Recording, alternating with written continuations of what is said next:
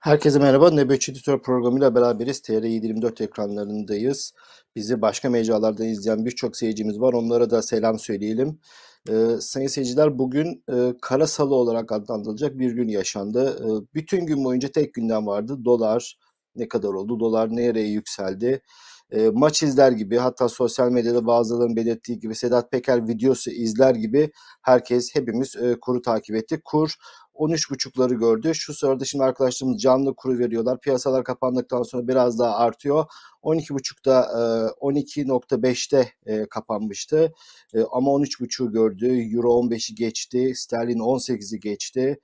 Ee, inanılmaz bir gündü. Ya herkes eli kulağında e, bir adrenalin şeklinde doların seyrini izledi. Çok enteresan. Bütün ülke kilitlendi. Neler yaşandı? Bankalar döviz satışını durdurdu. Ee, bazı ürünlerin satışının durduğu haberleri geldi. Mesela gübre satışını, zirai ilaç satışlarının dövizle alınan ne olacak piyasa belli olmadan da piyasaya arz etmeyeceklerini açıkladı şirketler. Bayilere ilaç gitmedi ve bunun gibi birçok şey. E, Merkez Bankası açıklama yaptı. E, piyasalar kapandıktan sonra e, açıklamayı size okuyayım. E, pek piyasa e, kurallarına göre olmadığını, gerçekçi olmayan iktisadi temellerden tamamen uzak sağlıksız fiyat oluşumları gözlemlenmektedir dedi Merkez Bankası. Kendilerinin e, kura müdahale etme gibi bir durumların olmadığı, bir kurun ne olacağıyla alakalı bir taahhütlerin olmadığı vatandaşa uyanık olun dedi. E, zarar görmeyin dedi. Bunlar gerçekçi fiyatlar değil dedi. İktisadi temellere dayanmıyor dedi. Merkez Bankası Erdoğan'ın e, saçma sapan ekonomi tezlerini savunan e, Merkez Bankası iktisadi temellere dayanmayan şeklinde açıklama yaptı. Peki neden yükseldi? Dolar neden yükseldi? Dün akşam Bakanlar Kurulu vardı. Bakanlar Kurulu toplantısında her zaman olduğu gibi Erdoğan e, yine bir konuşma yaptı. E, ekonomi dolarla ilgili şeylerde faiz politikasından taviz vermeyeceklerini söyledi ve savaş dedi. Bu bir kurtuluş savaşı dedi. Arkadaşlarımız ekrana getirebilir. Bugün de havuz medyasında savaş e, başlıkları atılınca piyasalarda savaşa savaş dedi ve bir anda döviz inanılmaz bir şekilde yükseldi. O kadar hızlı yükseldi ki 12.5'tan bir anda 13.5'u gördü. E, muhalefet liderleri programlarını değiştirdiler. Acil e, kendi ekonomik kurmaylarını topladı. Meral Akşener ekonomik kurmaylarıyla buluştu. Kılıçdaroğlu yurt gezisine çıkacaktı. Onu iptal etti. O da yarın MYK'sını topluyor. Aynı zamanda bugün grup toplantıları vardı. Dövizle ilgili e, Erdoğan'la Merkez Bankası Başkanı e, görüştü. Ne görüşüyle alakalı piyasalara şu ana kadar yansıyan bizim habere girdiğimiz bir ayrıntı olmadı. Ama velhasıl e, bütün ekonomi uzmanlarının söylediği Türk lirası sahipsiz. Yılbaşından bugüne yaklaşık %35 değer kaybetti Türk lirası ve bunun en hızı da son iki ayda Eylül ayına faiz indiriminin başlamasıyla beraber olduğunu dikkati çektiler. Çok tehlikeli senaryoları dile getirenler var. Aynı deprem uzmanı gibi her yerden ekonomi uzmanları görüşlerini söylüyorlar, senaryolarını söylüyorlar. Çok daha devlete müdahale olduğu bir kambiyo politikasına geçebileceğini söyleyenler var. Erdoğan'ın bunu bilhassa yaptığı çünkü artık çok bariz belli konuştukça dolar artıyor. Israrla faiz o ekonomi sonuç kısmıyla alakalı tezlerini tekrarlıyor ve tekrarladıkça döviz yükseliyor. Artık bunu bilerek yaptığı na dair hiç kimsenin bir şüphesi yok. Ama neden bunu yaptığıyla, kimlerin kazandığıyla alakalı doları kimler aldı? Daha önce birçok kere itiraf olmuştu. Kendi yandaş iş adamlarına ucuz kurdan dolar aldırıp dolar yükselince sattırıp tekrar döviz aşağı indiği zaman tekrar dolar aldırıp bir nevi çok büyük kazançlar elde ettiklerini biliyoruz. Yine yandaş iş adamlarına şirketlerine benzer operasyonu yaptırdığını iddia edenler var. Kamu bankalarına düşük krediyle faiz alıp tekrar döviz üzerinden vurgun yaptığını söyleyenler var. Hatırlarsınız bir ara o çok meşhurda o Efkan Alan'ın doları kim aldı ben buradan soruyorum demişti. Şimdi vatandaş hepimiz soruyoruz. Bu dolarları kim aldı? Kimler bu vurgun yapıyor? Devamlı dillerinden düşürmediği şey Kurtuluş Savaşı, Kurtuluş Savaşı. Peki kimle savaşıyoruz? Yani ülkelerin adını hiç söylemiyorlar. E, kimlerle savaşıyoruz? E, çok ima ederek söylediği ülkeler var. Türkiye'ye en fazla e, yabancı yatırım yapan ülkeler bunlar. Yine en fazla turist yollayan bunlar. Yine en fazla ihracat yaptığımız ülkeler bunlar bir şekilde kimle savaştığımızı söylemiyor söylemiyorlar. Tabii ekonomi durumunda bunu unutturacak şeyler söylemeleri lazım. Bu da hep vatan, millet, Sakarya üzerine işte Kurtuluş Savaşı veriyoruz. Sonra ekmek yeriz, e, yine de bu ülkeyi teslim etmeyiz gibi saçma sapan, gerçeklikle hiç alakası olmayan ama gidebilecekleri kitle var. E, şimdi size bir video e, seyrettireceğiz. Bu bir AKP'li vekil. Bakın e, ekonomik krizle alakalı vatandaşa neler öneriyor onu izleyelim. Bu propaganda üzerine daha konuşacağız. Saygılarımı sunuyorum. Cumhurbaşkanımıza, devletimize güvensinler. Biz Suriye değiliz. Türkiye'yi Amerika'nın talimatıyla Suriye'ye çevirmeye çalışıyorlar. Suriyelilerin geleceği bir yer var, kapı var. Türkiye var vesaire. Ama bizim gidecek bir yerimiz yok. Bir millet için önemli olan önce vatanıdır, namusudur, haysiyetidir, şerefidir. Bugün ekonomik sıkıntı çekebiliriz. Diyelim ki normal şartlarda ayda bir kilo iki kilo et yiyorsak yarım kilo yeriz. Domates iki kilo alıp yarısını diyelim ki e, dikkatli kullanmadığımız zaman çöpe gidiyor. İki tane alırız ya. Kış günü iki tane, üç tane alırız. Bu turfanda olarak bu sebzeyi kullanmak zaten sağlığa da çok faydalı değil. Biber alacağız, üç tane alırız bir kilo alacağımıza. Bunlara bu fırsatı vermeyen piyasadaki bu fırsatçılara, tefecilere, vicdansızlara bu e, fırsatı vermeyelim derim ben. ne yapalım? Bir gün oruç tutalım, bir gün tok mu dolup gezelim? Yani saçma sapan öneriler. Bir diğer AKP milletvekili de Manisa milletvekili Uğur Aydemir de sonra ekmek yiyeceğiz e, diye açıklama yaptı. Aylarca sonra ekmek yiyeceğiz ancak işte milli güvenliğimizden şundan bundan taviz vermeyeceğiz. E, gerçekten inanılmaz yorumlar yapılıyor ama e, birazcık e, gidişatı gören havuz yazarları ya da eski yandaşlar, eski Erdoğan elemanları pek o kadar da iyimser değil. Aydın Ünal adlı bir e, Erdoğan'ın konuşmalarını yazan bir tane e, bürokratı vardı. Bahçeli inanılmaz ağır hakaretler etmişti. O tükürdüğün salyaları yalayacağın günler yakındır gibi inanılmaz sözler söylemişti. Onun e, önerileri oldu. E, hemen danışmanların e, tasfiye edilmesini, ekonomi bakanı dışında hiç kimsenin yetkili olmamasını, Cumhurbaşkanı'nın konuşma metinlerinin çok titizlikle yazılmasını, savaş gibi kelimelere yer verilmemesini gibi e, şeyler söyledi. Bir felaketin eşindeyiz diye bir açıklama yaptı.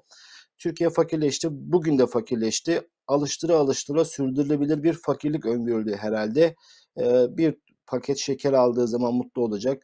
Gittiğinde yağ bulduğunda mutlu olacak bir ülke haline getiriliyor Türkiye. Türkiye bunu kaldırır mı? Ben kaldıracağını zannetmiyorum. Bazı e, ülkelerde özellikle Orta Doğu ülkelerinde yıllardır insanların dikkat rejimleri altında fakir olarak yaşadıkları örnekleri veriliyor. Ben Türkiye'nin o ülkelerle pek mukayese edilebilir olduğunu zannetmiyorum. E, tencere, Demirel'in klasik sözü, tencere iktidarı devirir. Bu ekonomik şartlar böyle devam ettiği zaman bence e, hiç o düşündükleri işte Türkiye'yi ucuz e, iş gücü yapalım. Herkes yatırıma gelsin. İşte Hindistan, Çin gibi Avrupa'nın Çin'i olalım, Avrupa'nın Hindistan'ı olalım. İnsanlar bize yatırıma gelsin. Ama Türkiye'deki kriz sadece e, ekonomik değil, aynı zamanda hukuk devleti olmadığı, dikta rejimi oldu. Otoriter bir rejimden kaynaklandığını da unutmamak lazım. O iş düşündükleri yabancı yatırımların da geleceğini hiç zannetmiyorum. E, sosyal medyada gözüme çarpan bir şey vardı. Bu e, yurt dışında olup da işte bu rejimin e, zulmünden kaçıp yurt dışında olanların bu ekonomik tabloya e, sevindiğiyle alakalı eleştiriler vardı. Bu doğru değil. Neden doğru değil? Bir kere e, işini kaybetmiş KYK'lılar var. Onların aileleri var. Ekonomik olarak Türkiye'de en zor durumda olan kitlelerden bir tanesi o. Ekonomi git, kötüye gittikçe onların da durum kötü gidiyor. Bir kere e, kaderdaşların durumundan dolayı sevinmiyor insan. İkincisi ülkede bizim ülkemiz, ailelerimiz orada, sevdiklerimiz orada, akrabalarımız orada. Ülkenin e, bu hale gelmesi sevindirmiyor ama e, bir dolar çıktı diye insanlara zulmedip bir dolar diye insanlara terörist iftira satıp bir sürü birkaç yıl böyle bir dolar çıktı diye geyikler yapıp sabahtan akşama acaba bir dolar ne kadar oldu diye takip edilmesi de e, bir kader, bir cevabı diye düşünmeden de insan edemiyor. Ee, Erdoğan e, il başkanlarına konuştu. Erken seçim yok dedi. Videoyu seyredelim, haberi geçeceğiz. Öyle 15 ayda bir, 20 ayda bir seçim yapmak. Bunlar ilkel kabilelerin işidir. Biz modern bir yapının, modern bir dünyanın şu anda uygulamalarını ortaya koyan bir partiyiz ve Cumhur İttifakıyız. Yaşanan gelişmeler seçimleri 2023'e yani tam da 2023 hedeflerimizde kesişen yıla denk getirdi. Ülkeyi kabile devleti haline getirmiş e, lider konuştu. Konuşmasından diğer ayrıntılarda e, erken seçim olmayacak e, dedi. Ama e, seçim yasasını meclise getiriyorlar. E, MHP ile e, son üzerinde rütuşları yaptılar. Seçim yasasını getirecekler. Her ne kadar biliyorsunuz seçim yasası geçtikten bir yıl sonra uygulamaya geçiyor ama bu da rahatlıkla değiştirebilir bugünkü sistemde. Ama mevcut sisteme e, norm kabul edersek e, bir yıl içerisinde olduğunu düşünürsek seçim yasasını bir an önce meclisten geçirmeyi düşünüyorlar. Bir de e, unutmayalım Erdoğan 3. dönem Cumhurbaşkanı olur mu olmaz mı tartışmanın önünü kesmek için görev süresini yakında 2023'te bile dese bir ay kala iki ay kala işte neyse kısa bir süre önce erken seçim kararı alacak ki ikinci dönemini doldurmadığı için bu tartışmaları ortadan kaldırmak için zaten teknik olarak bu tartışmaların olmaması adına da e, erken seçime gidecek. Şu an mevcut durumda mecliste hiçbir blok tek başına erken seçim kararı alamıyor. AKP ile MHP istese de alamıyor. Tabii muhalefetin destek vereceğini düşünürsek e, böyle durumda kaçınılmaz bu karar alınır ama ben sandalye sayısına göre olan durumu size söyleyeyim. Ne de muhalefet buluyor. Zaten böyle bir şey olsa şimdiye kadar defalarca erken seçim kararı alınabilirdi. Mevcut e, rejime sisteme göre Cumhurbaşkanı meclisi feshedip meclisi feshedince kendi görev süresi de doluyor. Erken seçim kararı alabilir. Kılıçdaroğlu'na yine hakaretlerde bulundu. Kılıçdaroğlu kifayetsizliğini ülkeyi terk edemeyiz dedi. Yeminli Erdoğan düşmanlarının ne dediği önemli değil dedi. Kendisini nerede görüyorsa yeminli Erdoğan düşmanları artık ülke böyle tanımlanıyor. Kendi ülkesi olduğu için kendisine düşman olanlar ve düşman olmayanlar var. Parti vesaire hak getire. Bugün grup toplantıları var demiştik. Kılıçdaroğlu bugün şey aldık grup toplantısına katıldı. Erdoğan'ı milli güvenlik sorunu olarak tanımladı. Kılıçdaroğlu'nu dinleyelim. Fabrikasını kalktı Katar ordusuna verdi. Ya Cumhuriyet tarihinde böyle bir rezalet yaşanmamıştı. Yaşanmamıştı. Ayrıca sen mandacılığa karşı mücadele ediyorsan birileri sana aptal olma dediği zaman mektubu alıp gidip onun yüzüne çarpacaktı. Yüzüne çarpacaktı. Çarpamadı. Neden? Çünkü sen ekonomik olarak bağımsızlığımızı birilerine pazarladın. Ekonomik bağımsızlığımızı birilerine pazarladın. Değerli arkadaşlarım, şimdi efelik yapıyor. Sanıyor ki biz bunların tamamını yutacağız. Bu millet yutmaz. Bu millet hepsini gayet iyi bilir. Yeri zamanı gelince kararını verir. Sen korkma bu millet senin ne mal olduğunu gayet iyi öğrendi ve şunu sana söyleyeyim. Sen artık bu saatten sonra Türkiye Cumhuriyeti Devleti'nin temel bir milli güvenlik sorunusun. Temel bir milli güvenlik Tabii millete güven dolu sözler sarf ediyor ama bunca seçimleri de yine bu milletle kazandı. Seçime gidildiğinde hangi konjonktürde gideceğimiz, hangi çılgınlık yapacağı, hangi devlet tehlike altında terör ya da başka dış güçlerle kavgayla seçime gidileceğini de bilmiyoruz. Mevcut duruma göre konuşuyor Kılıçdaroğlu. Kılıçdaroğlu konuşmasında 17-25'e de atıfta bulundu. 17-25'te 50-60 milyar doları çalındı diye AKP'lerin tezleri vardı. E kim çaldı biliyorsunuz müdahale etsinize dedi. Sonra kendisi cevap verdi. Oğlum paraları sıfırladı mı diyen adam bu paraları çaldı dedi. Erdoğan'a sert sözlerde bulundu. 17-25'in yine ekmeğini yediler ama emeğini e, yapanlara, o polislere, o hırsızları takip edenler, hırsızları yakalayanlara, bütün o kirli çamaşırları ortaya çıkan polislerle, savcılara yine tek kelime etmedi Kılıçdaroğlu. Önceki helalleşme e, vesairesi performanstan biraz altındaydı ama Kılıçdaroğlu e, Cumhurbaşkanı adayı gibi konuşmaya devam ediyor ve e, baş güzel de sözler söylüyor. Ben artık e, CHP'nin adayının açıkçası Kılıçdaroğlu olduğunu düşünüyorum. E, grup toplantısında bir de vefat haberi vardı. İçişleri, eski İçişleri Bakanı Fehmi Güneş 87 yaşın 87 yaşında vefat etmiş. Kılıçdaroğlu onu da vurgulamıştı. Evet grup toplantılarını en fazla merak ettiğim kişiye geçiyoruz. Devlet Bahçeli. Şimdi Devlet Bahçeli bir sürü laf etti. Ben size e, kemiksiz kısmını vereyim. O zillet ittifakı, şerefsizler, hainler, PKK, FETÖ hepsini çıkardıktan sonra Bahçeli'nin söylediği şu. Erken seçim yok. Hükümet doğru yolda dedi. E, çok önemli bir ayrıntı verdi. Önce e, bu söylediğimiz kısımla alakalı Bahçeli'nin ağzından dinleyelim. O önemli bir mesaj daha verdi Bahçeli sonra tekrar bakacağız. Türkiye faiz kamburundan kurtulmalıdır. Faiz uzun vadede üretim sistemine büyük hasarlar vermektedir. Ülkemiz şu anda dünyada faiz oranının yüksekliği açısından ilk 10 ülkeden biri Avrupa'nın da zirvesindedir. Faiz geleceğimizden çalmaktır. Bize göre hükümetin izlediği ekonomi politikası doğrudur. Bunun üzerinden polemik yaratmak, bittik, tükendik, yandık, mahvolduk demek felaket tellallığıdır, kötü niyetliliktir. Ekonomiden anlamayan cahillerin tek söylediği erken seçimdir. Aslında bunlar hazırlıklı değildir. Derslerine çalışmayan haylaz öğrencilerle bir ve aynıdır. Tekraren söylüyorum. Erken seçim falan yoktur. Seçim 2023 yılının Haziran ayında yapılacaktır. Evet, Haziran ayında yapılmayacak. Bunu hepimiz biliyoruz ama eskiden Bahçeli ekonomi diyemezdi. Sanki bu sefer ekonomi kelimelerinin söylediği gibi geldi bana. Bahçeli hükümete destek verdi. Yarın öbür gün hükümet Erdoğan faizi arttırsa bu sefer faizi arttırmanın ne kadar doğru bir karar olduğunu açıklayacak. Onunla ilgili bir sürü sosyal medyada mutlaka sizin de gözünüze çarpan şeyler, fotoğrafları görmüşsünüz. İşte Suriye'ye girmek beka meselesidir. Suriye'den çıkmak beka meselesidir gibi birbiriyle çelişen sözleri Bahçeli'nin var. Bahçeli'nin o önemli mesajı demiştim. 50 artı bir kısmını tekrar e, dile getirdi. Biliyorsunuz geçen hafta grup toplantısında 50 artı 1 ile alakalı çok sert mesajlar vermişti. Cemil Çiçek üzerinden Erdoğan'a adeta tehdit etmişti. Bir gün sonra da Erdoğan'la sürpriz bir şekilde görüşmüşlerdi. İkisinin de programında yoktu görüşmüşlerdi ve anlaştıkları kulisleri yansımıştı. 50 artı 1 olmazsa olmazımız dedi.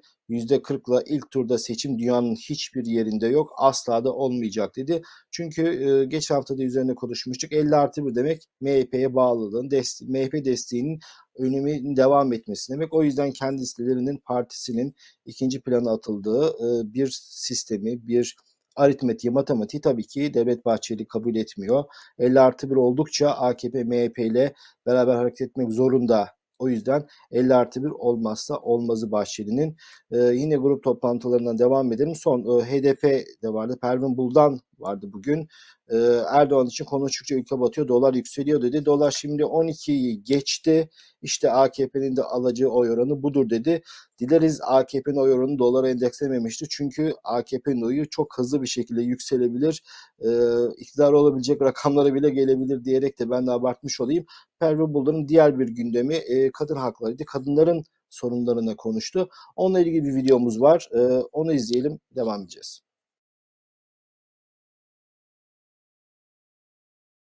E, yağ alsa salça alamıyor, salça alsa ekmek alamıyor ve kendisi kişisel ihtiyaçlarını karşılamayı ise artık tamamen lüks olarak görüyor bu ülkede yaşayan milyonlarca kadın. Her iki kadından biri işsiz olan kadınlar ise yaşamın tüm yükünü yüklenirken payına ne düşüyorsa ona katlanmak zorunda kalıyor. Peki iktidar bütün bu acı tablonun karşısında ne diyor? Türkiye ekonomisi rekor kırdı diyor. İktidar ve yandaşları yolsuzluk ve vurgun rekorları, üçlü beşli maaş rekorları, kara para aklama, vergi kaçırma rekorları, bütçeden savaşa ve saraya aslan payı rekorları kırarken halka, emekçiye, kadına ayrılan sıfır bütçe rekorları kırarken yoksulluk rekoru altında ezilen kadınlar AKP'nin yalan rekorlarını görmüyor mu? Evet, inşallah görüyorlardır. Değerli izleyicilerimiz, e, bugün önemli gelişmeden bir tanesi hep tabii sabahtan akşama kadar e, dolar takip ettiğimiz için belki onun gölgesinde kaldı ama çok önemli bir olay yaşandı. Ahim çok tarihi bir karar verdi. 427 e, yargı mensubunun yapmış olduğu başvuruda özgürlüklerinin ve güvenliklerinin hakların ihlal edildiği kararı verdi. Şu mesajı verdi devlete. Sen örgüt üyesi dedin diye örgüt üyesi olmuyor. Bunu bir suçüstü sayamazsın dedi. KHK ile atılmalarını haksız buldu. Her ne kadar bu 427 yargı mensubuyla alakalı bir karar olsa da bütün KHK'ları ilgilendirdiği için çok önemli bir karar. O yüzden tarihi yorumları yapılıyor. Şu an AHM'in önünde bu şekilde işini kaybetmiş 5000 kişinin dosyası olduğu biliniyor. Bunların 1200 tanesi yargı mensubuydu. 427'nin herkesi e, dinleyemeyecekleri kararı aldılar. Bir baz alarak Turan ve Türkiye diğerleri kararı oldu. E, bununla alakalı TR24 özel bir yayın yaptı. Mahmut Filizer e, bu konuda alakalı uzmanların görüşlerini ekrana yansıttı. Bununla alakalı ayrıntılı merak ediyorsanız TR24'ün özel yayınını mutlaka izleyin. Bizden önce yayına girmişti. E, erişebilirsiniz. E, çok önemli bir karar. E, KHK'larla alakalı zaten e, biliyorsunuz eninde sonunda bu bir gün dönecek ama bunun hukuki zemininin oluşması lazım. Ahim bu konuda aslında e, çok yavaş davrandı. Binlerce dosya gelip e, iş yükü artacağı için önce Türkiye'ye bir komisyon kurun dendi. İşte OHAL komisyonu, KHK komisyonu kurduruldu ki kendisine olabildiğince az iş kalsın. Ama e, hak ihlalleri tamamlanmadığı için bu davada da Türkiye iç hukuk yollarının tüketilmediğini demişti ama Türkiye'nin tezleri kabul edilmedi. O yüzden e, oldukça önemli bir karar. Dileriz e, en kısa sürede KHK'lar haklarına kavuşur ve ahime gerek kalmadan Türkiye bunlar çözülsün ama pek öyle olmayacak gibi 5000 dolar gibi 5000 euro gibi bir tazminat verildi. Tazminat sembolik yani çok yüksek bir rakam değil. Yaşanan mağduriyetler, insanlar tutuklanmışlar, hapse girmişler, hala içeride olanlar. Onları düşündüğünüzde işin e, para kısmı çok önemli değil. Ancak hukuksuzluk olduğu ve yarın öbür gün e, Türkiye normalleşmeye başladığında bu kararların emsal olacağını düşünürsek tarihi bir karar. Dediğimiz gibi bununla alakalı TR24 özel bir yayın yaptı. Ayrıntıları orada e, deva, takip edebilirsiniz. Bu güzel gelişmeye rağmen Türkiye'nin hala akıllanmadığı, hala aynı tas, aynı hamam gittiğine dair bir gelişme daha yaşandı. Yine askeri öğrencilere e, operasyon yaptılar. Darbe olduğunda 13 yaşında olan çocuklar, darbe olduğunda 13 yaşında olan çocukları beklediler. 18 yaşına gelince operasyon yaptılar. Muvasal asker var 47 asker 65 öğrenciye İzmir merkezi 21 ayrı ilde operasyon yaptılar. Dediğimiz gibi ülkede gündem ne olursa olsun ülke batmış çıkmış e, bir komite var. Bunu e, yakından takip ediyor. Onların kendi gündemleri, kendi ajandaları var. Alınacaklar, gözaltına alınacaklar vesaireler belli. Sadece sıranın gelmesiyle alakalı işleyişleri yapıyorlar. Özellikle e, asker öğrencilere ve hala içeride asker olanlara, e, TSK'da asker olanlara devamlı operasyon yapıyorlar. Bir şekilde bunu hem tabanlarını sıcak tutuyorlar hem de kin ve nefret operasyonu devam ediyor. Neticede e, düşünebiliyor musunuz? 18 yaşının gelmesini bekleyen bir zihniyet var. O yüzden işte e, Türkiye neden düzelmez? Dolar neden e, istenen seviyelere inmez? E, KYK'lar neden e, bir şekilde haklarına kavuşmaz? İşte bu yüzden Türkiye hala e, yine e, başına bela alacak işleri yapmaya devam ediyor. E, Kılıçdaroğlu helalleşelim demişti. İşte biz de o zaman sormuştuk. Bu askeri öğrencilerle kimler helalleşecek? Yıllar sonra mı? O kadar e, sosyal medyada duyar kasıyorlar. İşte köpeğinden tutun diğer e, konforlu alanda çok e, haklarla alakalı insanlar inanılmaz şeyler söylüyorlar. Ama darbe olduğunda 13 yaşındaki bir çocuğun 18 yaşına gelip tutuklanmasından çok da, daha önemli bir gündem yok. Çok daha büyük bir hak mahrumiyeti yok. Bunlarla alakalı maalesef e, büyük bir sessizlik var. Bir sonraki haberimize geçelim. Ee, ilginç bir haber. Ee, bir kumpasın itirafını e, şimdi size anlatacağız. Ee, Sedat Peker'e itiraf edince ortaya çıkmıştı. Gökhan Özbek gazeteci e, kendisine yapılan kumpasla alakalı dün uzun bir tweet e, serisi attı. Şu an arkadaşlarımız da ekrana geliyor. Kendisine nasıl kumpas kurulduğu, Sedat Peker'in başrol oynadığı, Sedat Peker'in medya medya danışmanı olarak bilinen Emre Olur diye bir e, kişi var. Bu kişi e, emniyete gidiyor, siber suçlar daire başkanlığına kendisine e, bir dosya klasör veriliyor. İftira atacağı insanlar İyi Parti'den Kerim Çoraklık var ve e, Gökhan Özbey iftira atacaksın diyor. Önce biraz sorguluyor işte ne e, olayları nedir işte klasik FETÖ iftirası atacak. İşte Fuat Avni ile temas halinde oldukları alakalı kendisine kağıtlar, belgeler tutuşturuyorlar. Tamamen sahte. E, Aydoğan vatandaşla sözde konuşmuş gibi sahte belgeler düşünebiliyor musunuz? Gazeteci meslektaşımız Amerika'da bulunan Aydoğan Vatandaş ile Gökhan Özbek konuşmuş gibi sahte belgeleri eline verip Emre Olur'u emniyetin aracılığıyla havaalanına oradan da İstanbul'da Gayrettepe'deki Beyaz TV'ye gidiyorlar. İşin içinde Gökçekler de var. Osman Gökçek'in de kumpastan haberdar olduğu o zaman Sedat Peker'le beraber kanka oldukları için ve e, Gökhan Özbey kumpas kuruluyor. Onunla ilgili tweet serisinde kısa bir video var. Şimdi onu da e, dinleyelim. Neler neler yaşanmış bir bakalım. Arkadaşlarımız açacaklar. Yargılanmak Ee, istiyorsunuz. Murat. Murat Bey ben zaten şunu söylüyorum. Kitapta da söylüyorum. e, Sayın Sedat Peker'e de söylemiştim. E, ve yanımızdaki e, telefonla beni arayan gazetecilere de bunu ben söylüyorum. Ben yargılanmak istiyorum. Ama benim tek bir şartım var. Bu kumpası ben tek başıma kurmadım. Bu tezgahı tek başıma ben hazırlamadım. Burada başkomiser K var, polis memurları var, var oğlu var. Benim tek bir şartım var. Biz hep beraber yargılanacağız. Niye? Evet, e, Gökhan Özbek bu olay yaşandıktan sonra neler yaşadığını, bir anda e, bir Patreon'dan gelen bir geliri vardı, nasıl dibe vurduğu, insanların selamı sabahı kestiği, daha önce bir gözaltısı var, onu da anlatıyor. Onunla ilgili Salih Tuna'nın e, neler yaptığını anlatan e, web sitemiz var. TR24 web sitesinde bu haber var. E, düşünebiliyor musunuz? Böyle kumpaslar yaşanmış. Yani kimler nasıl gözaltına alındı, kimler nasıl tutuklandı hep böyle şey işte bunda mafyanın kullanıldığı, Sedat Peker'in kullanıldığı şimdi e, itirafları var anlatıyor. İnsanlar kirli çamaşırların anlatılmasından dolayı hele hele e, itiraf edelim. Normalde kimse Süleyman Soylu'ya şuna buna e, Türkiye'de olup da laf çakamayacağı için dışarıdan birisinin ağzının payını vermesi çok da e, hoşumuza gidiyor. Böyle insanın ruhu e, dinginleşiyor. Sedat Peker'in Süleyman Soylu'ya laf çarptığı zaman işte o mafya liderinin nelere alet olduğu, işte daha önce bu programda konuşmuştuk. Kılıçdaroğlu'nun demokrasi yürüyüşünde adamlarını yollayıp Kılıçdaroğlu'na laf attırdığı, daha kendisinin söylediği birçok ifşaatlar var. İşte bu gazeteci Gökhan Özbey'e kurulan kumpasın sadece küçük bir örnek. Bunu da e, adamıyla beraber itiraf ediyorlar bu kumpası kurduklarını. İşte siz de dinlediniz. Çocuk ben yargılanmak istiyorum diyor. Birkaç polisin e, adını hece baş harfiyle söylemiş. Daha kimler kimler var demek. İşte Osman Gökçe'yi de anlatması lazım. Ki o Beyaz TV'de her programda nice masum insanların infaz edildiğini zaten e, tanık olmuşsunuzdur.